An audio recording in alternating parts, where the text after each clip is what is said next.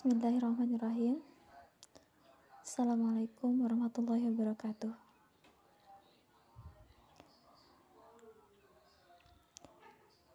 Sahabat, pada segmen kali ini izinkan saya untuk berbagi sedikit pengalaman saat-saat kami membersamai anak-anak di waktu kecil.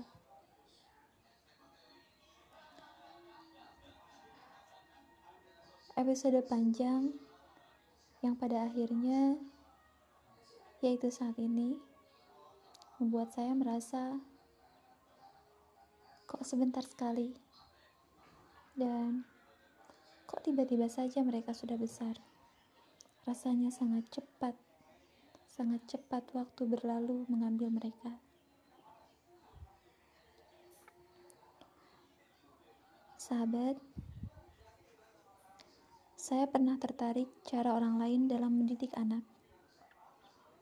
Bahkan cenderung membandingkan cara saya dan mereka, hingga akhirnya saya merasa gagal. Gagal menjadi ibu yang baik.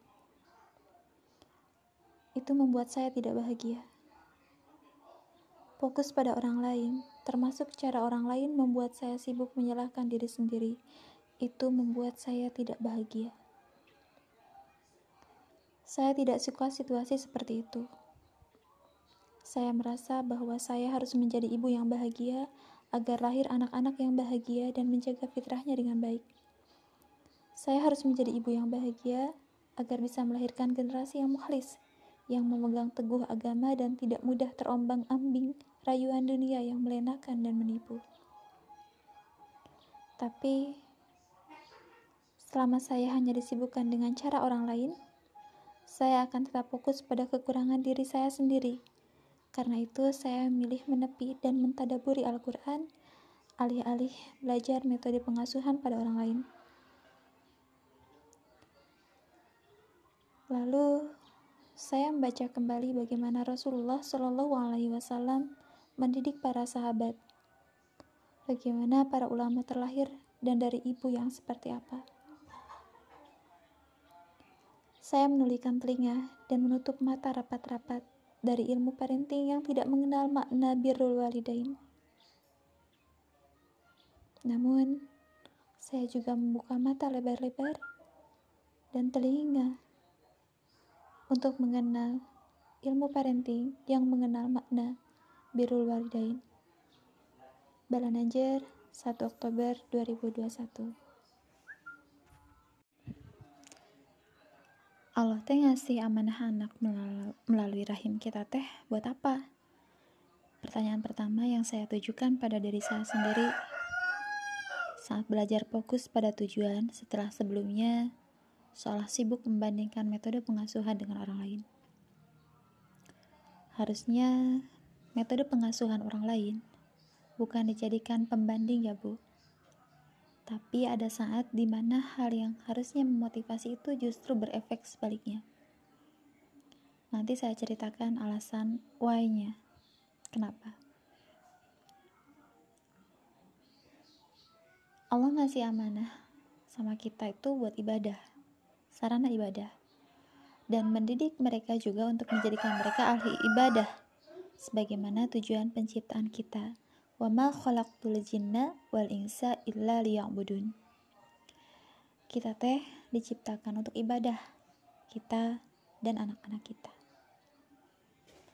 Tujuannya adalah ibadah, mendidik anak adalah ibadah, menjadi ibu adalah ibadah, menjadi ayah adalah ibadah, menjadi anak adalah ibadah. Pertanyaan selanjutnya, ibadah seperti apa yang Allah perintahkan. Balanajer 2 Oktober 2021 Jadi, bagaimana cara membersamai anak teh? Karena visinya bukan mencipta anak dengan dunia dalam hatinya, tapi melahirkan anak yang menjadikan Allah sebagai satu-satunya tujuan. Jadi, apa pun yang mereka lakukan, Tujuan dan niatnya adalah Allah. Kriteria hidupnya adalah Allah suka atau tidak, Allah ridho atau tidak. Bagaimana bisa melahirkan anak yang mencintai Allah kalau saya sendiri hanya melapal cinta tanpa aksi nyata? Jangankan berkorban banyak untuk yang dicinta, bangun awal waktu buat munajat aja enggan. Apa benar saya bertekad membersamai anak untuk bersujud pada Yang Maha Mencipta, sedangkan sujud saja hanya sekilat. Apalagi tadabur kalamullah, membaca seayat saja enggan-engganan padahal sudah berikrar. Al-Qur'anu dusturuna. Asli nafsaka perbaiki dirimu ikat hatimu dan dekatkan dirimu kepada dia yang memberimu amanah. Kita tidak pernah tahu cara terbaik dalam mendidik anak agar tetap sesuai fitrahnya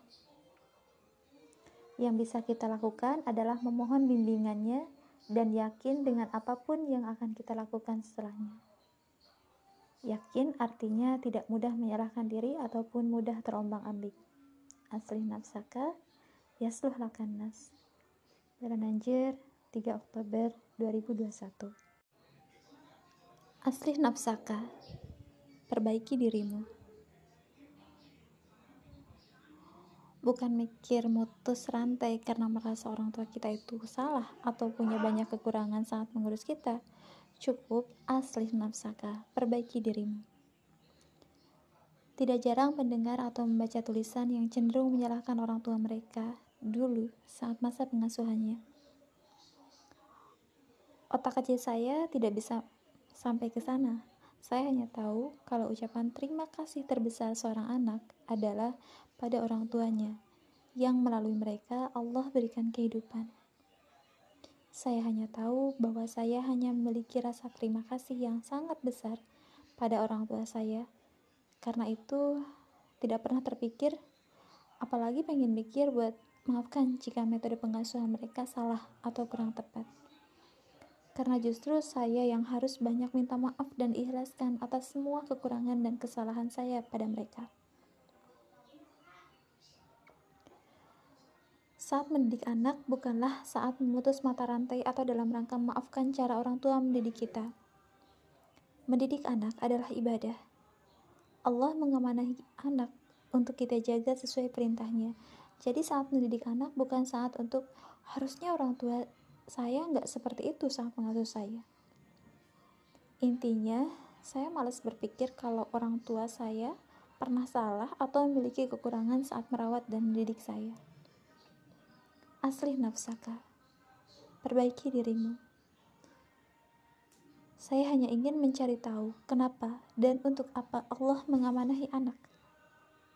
Bagaimana ibu dan anak serta tentang ayah dan anak dalam kacamata Islam. Apa yang diajarkan baginda Rasul dan para sahabat serta para tabi'in tabi'in saat pengasuhan anak. Banyak tanya di kepala saya meski tidak melahirkan yang sekualitas tabiin tabiin atau saya teh pengen menjadi ibu yang amanah dalam menjaga fitrah anak. Well, apa sih fitrah anak teh?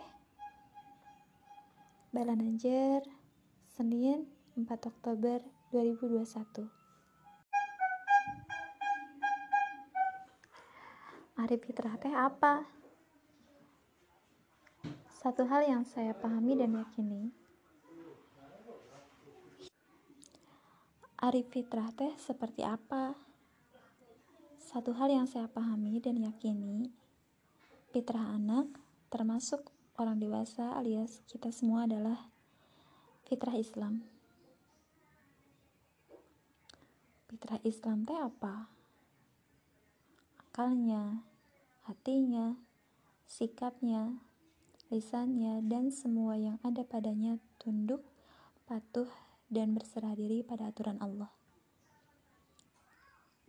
Jadi, tugas mendidik anak itu fokus ke sana. Tunduk, patuh, dan berserah diri kepada Allah. Bagaimana caranya? Kembali ke asli nafsaka, yasluh lakan nas mulai dari kembali pada Al-Quran dan Al-Hadis.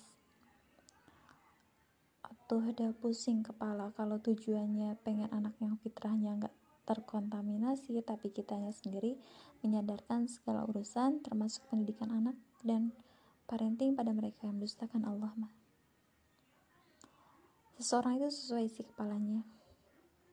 Isi kepalanya bisa dilihat dari zahirnya. Bagaimana kita bisa mengajak pada iman dan Islam kalau diri sendiri tidak tunduk pada aturan Allah? Allah bukan tujuan. Hanya bersandar pada kesuksesan duniawi, sedang lisan bilang pengen anak yang soleh. Anak soleh itu kan versinya dari Allah Lalu bagaimana proses jadi anak soleh kalau rujukannya bukan rujukan dari Allah atau dari seseorang yang berpegang teguh pada aturan Allah? Badan Anjir, Selasa 5 Oktober 2021 Kata pakar A, ngurus anak teh begini, Bi. Bi, kata pakar satunya lagi begini.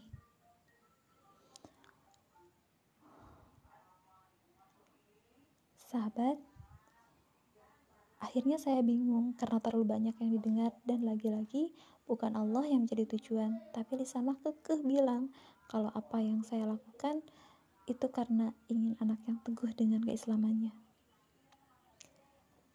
Saya mulai merasa jangar karena terlalu banyak yang didengar. Ditambah banyaknya intervensi muncul dari berbagai penjuru membuat saya menyadari bahwa yang paling utama dalam proses pembinaan generasi bukan hanya proses menyimak ilmu, apalagi sekedar merasa siap. Ingat ya, hanya merasa alias bukan benar-benar siap. Kondisi ruhiyah ternyata yang paling penting dan sangat dibutuhkan dalam menghadapi proses panjang membersamai anak. Amin, hati yang terikat kepada Allah, dekat dengan Allah. Apa kabar hatiku waktu itu? Apa kabar hatiku hari ini? Wahai diriku. Balananjer, Rabu 6 Oktober 2021. Apa kabar hatiku hari itu? Pertanyaan ini artinya saya mengingat dan merenung kembali. Membuka kembali buku catatan harian di mana saya sering menuliskan perasaan saya di sana. Selain hal-hal yang saya alami dari itu, banyak tangis saat mendampingi para balita. Ya, itulah kenyataannya. Tangis apa? Tangis saat anak nangis, saat anak sakit, nangis khawatir anak kenapa-kenapa, sedang kami tinggal jauh dari orang tua, tempat batur pakumaha, kata orang Sunda Saya bingung kalau harus translate. Saat anak-anak tidur nangis sesal. Sepanjang siang teh ngapain aja sama anak-anak teh? Apalagi kalau siang atau sebelum tidurnya habis marah sama anak-anak. Luar biasa sesalnya. Saat anak-anak jauh misal waktu adik Umar ingin tinggal dulu sama mama di Tasik nangis rindu. Banyak pils banyak pisan alasan tangisnya. Eh ini mas saya ya. Ibu yang memang ibu yang memang mudah nangis, tapi insya Allah tangis cinta. Apa kabar hatiku hari itu? Mudah letih. Itu yang saya baca di buku catatan harian yang sekarang sampulnya sudah kusam. Bagaimana bisa? Katanya happy. Iya, saya memang senang saat mendampingi anak-anak, tapi bukan berarti tidak ada letih. Saya kesulitan mengingat letih seperti apa hari itu.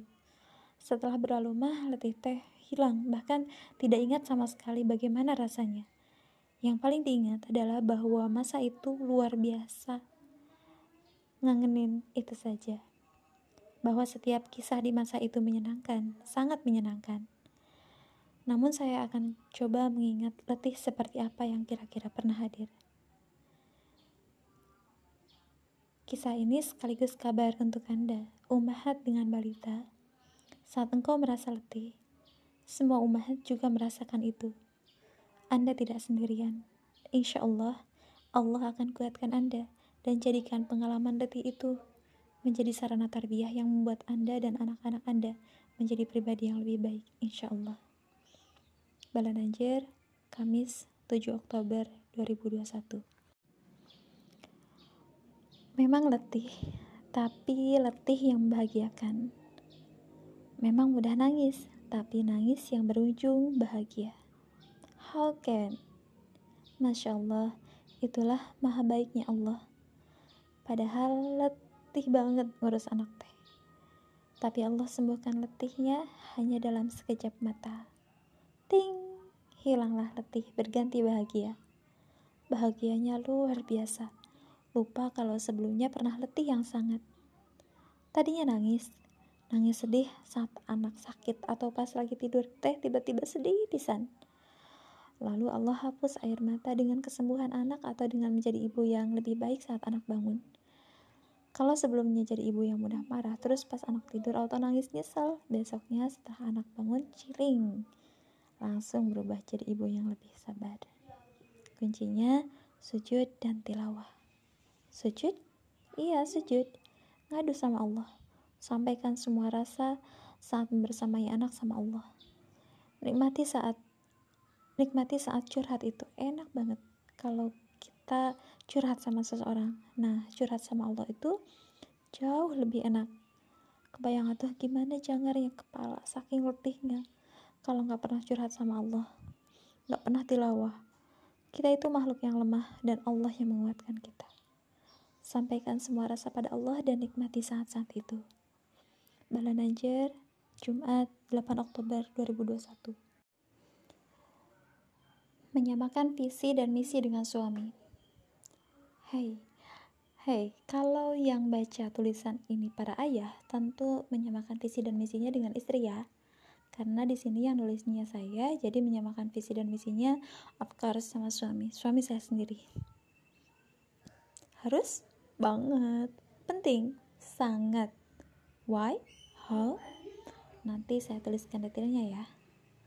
Hari ini fokus nulis surat buat salah satu putri kami. Jadi saya tuliskan sekilas ya. Semua catatan saya hanya berdasar pengalaman. Jadi bebas diperdebatkan. Namanya juga pengalaman. Tentu berbeda antara yang satu dan yang lainnya. Pengalaman mah selalu berbeda buat tiap orang. Oh iya sepenting apa menyamakan visi dan misi dengan suami? Sepenting makna anak dalam pemahaman kita. Balanajer, 1 9 Oktober 2021 Journaling What is it? Ini terdiri dari kata jurnal ditambah pub ing jadilah journaling alias aktivitas nulis jurnal. Jurnal apa? Jurnal harian anak. Bunda, menuliskan jurnal harian anak itu banyak sekali manfaatnya. Salah satunya jadi nggak mudah panik. Biasanya kondisi apa yang membuat bunda mudah panik? Saat anak sakit misal. Biasanya banyak bunda yang panik kalau anak sakit. Nah, kehadiran jurnal harian anak membantu kita untuk tidak mudah panik. Ini menjadi semacam pengingat dan panduan kala terjadi kondisi serupa. Maksudnya, Gini loh bun, saat anak sakit, misal panas atau sakit apa pun, kita tuliskan all buat gejalanya. Apa saja yang dibutuhkan dan dilakukan saat itu, proses pengobatannya bagaimana, berapa lama, makanan apa yang baiknya diberikan saat itu, dan lain-lain pokoknya all buat sakitnya hari itu. Nah, di kemudian hari, kalau anak sakit lagi teh, kita jadi tahu apa yang harus kita lakukan karena kita punya buku panduannya yaitu catatan kita sendiri, jurnal yang kita tulis sendiri. Itu juga bisa bermanfaat untuk yang lainnya dan masih banyak manfaat lainnya dari journaling. Balanajer, Ahad 10 Oktober 2021